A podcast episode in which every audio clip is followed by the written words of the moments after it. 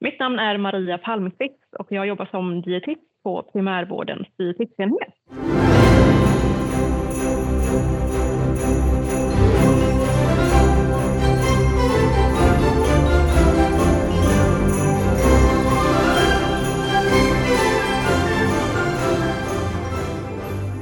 I Sverige dör cirka 6 400 personer i förtid varje år till följd av kostrelaterad ohälsa.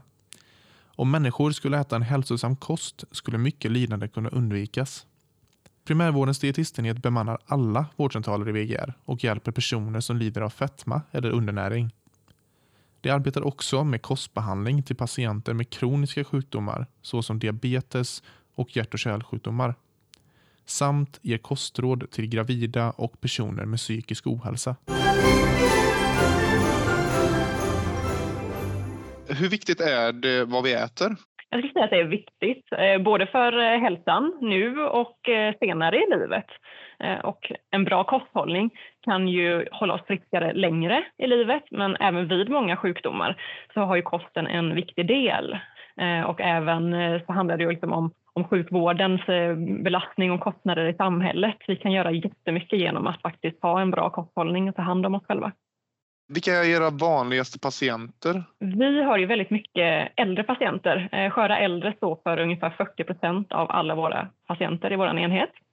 Eh, och antalet äldre i samhället ökar ju och det ger oss fler ärenden på grund av de problem som kommer med högre ålder, till exempel då undernäring vid ja, svåra och kroniska sjukdomar. Ehm, och sen kommer det ju också fler och fler riktlinjer som säger att bland annat eh, KOL-patienter, diabetespatienter ska träffa dietist. Så inom de patientkategorierna kommer vi förvänta oss mera eh, remisser eh, framöver. Och sen under pandemin så har ju även fetman ökat så där har vi också sett ett större remissinflöde. Vad är de vanligaste problemen med en brusten eh, kosthållning? Eh, om vi då kikar på våra vanligaste patienter, då de här sköra äldre, så är det ju ett lågt eh, kalori eller energiintag och påföljande viktminskning som jag skulle säga är det största bekymret. Och sen har vi då våra patienter med övervikt och fetma som också är en ganska stor andel.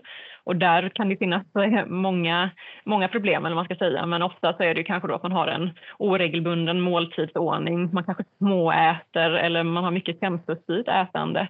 Eh, stora portioner om man tycker att maten är god eh, och att man äter ganska energitäta livsmedel eller måltider också som gör då att man får ett kaloriöverskott och går upp i vikt. Men många tycker jag missar att se till just helheten och eh, fokusera istället på detaljer just när man tänker på ja, vad som är en hälsosam kosthållning. Hur menar du då med detaljer? Nej, men det finns många som läser på mycket om kost och man läser kanske ett specifikt livsmedel ska vara väldigt hälsosamt eller bra och så. Och sen kanske man missar just helheten det här med att ja, men äta mycket frukt och grönsaker, kanske fullkornsprodukter och så. Att man, man tappar det här övergripande, vad som kanske är en bra kost och snöar in på små detaljer. Ni vänder er ju även eh, till personer med eh, psykisk ohälsa. Hur kan den psykiska hälsan påverkas av eh, kost? Eh, kosten är såklart en viktig pusselbit för god psykisk hälsa, precis som liksom fysisk aktivitet, sömn och återhämtning är. Men får vi inte i oss den energin och den näringen som kroppen behöver så fungerar vi ju inte eh, eh optimalt eller bra. Och det finns studier som visar just på kopplingar mellan ett dåligt kostintag eller dålig kosthållning eh, och eh, försämrad psykisk hälsa, till exempel ångest och depression. Sen kan det också vara så att om man väl har en psykisk ohälsa så påverkas kanske maten så att man har svårare liksom, kanske med att få till rutiner och så kring kosten. En kostrelaterad eh, ohälsa kan ju leda till att eh, personer dör i förtid. Vad tycker ni är det viktigaste som hälso och sjukvården kan göra för att förhindra detta?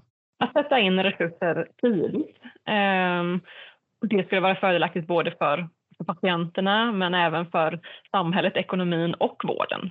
Så att eh, sätta in resurser tidigt tycker vi är superviktigt. Ni är ju primärvårdens dietistenhet. Vad, vad betyder det egentligen?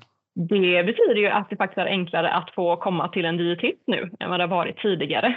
Eh, för, eh, före 2017 så fanns det ju inte så där jättestora möjligheter i, i stora delar av vår region att faktiskt få träffa en dietist i primärvården. Eh, så att vi ska finnas till i första linjens sjukvård för att vara tillgängliga för patienterna. Vilka patienter kan man eh, remittera till er? Vi tar emot väldigt många olika typer av, eh, av patienter. Många tänker kanske på dietister, att man jobbar mycket med övervikt och fetma och så, men vi jobbar med väldigt mycket mer än så. Och det handlar egentligen om att vi tar emot alla patienter där läkarna på vårdcentralen är behandlingsansvariga, där primärvården är behandlingsansvariga för det som orsakar nutritionsproblemet. Eh, alla de patienterna tar vi och det som vi säger om det är en patient som följs i, mm, på sjukhuset eller specialistvården till exempel för en cancer eller liknande, då är det dietist på sjukhuset som ska ta hand om det. Men vi har hela primärvårdens upptagningsområde kan man säga.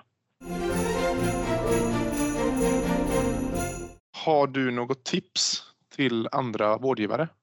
Ja, men det skulle vara att man liksom är uppmärksam på patienter som skulle kunna ha nytta och faktiskt vill komma till en dietist. Eh, och nu är det ju betydligt lättare att få komma till en dietist i och med att både läkare och sjuksköterskor på alla regionens vårdcentraler kan remittera till oss.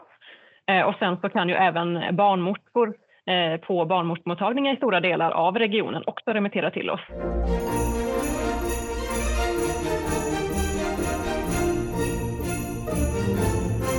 you.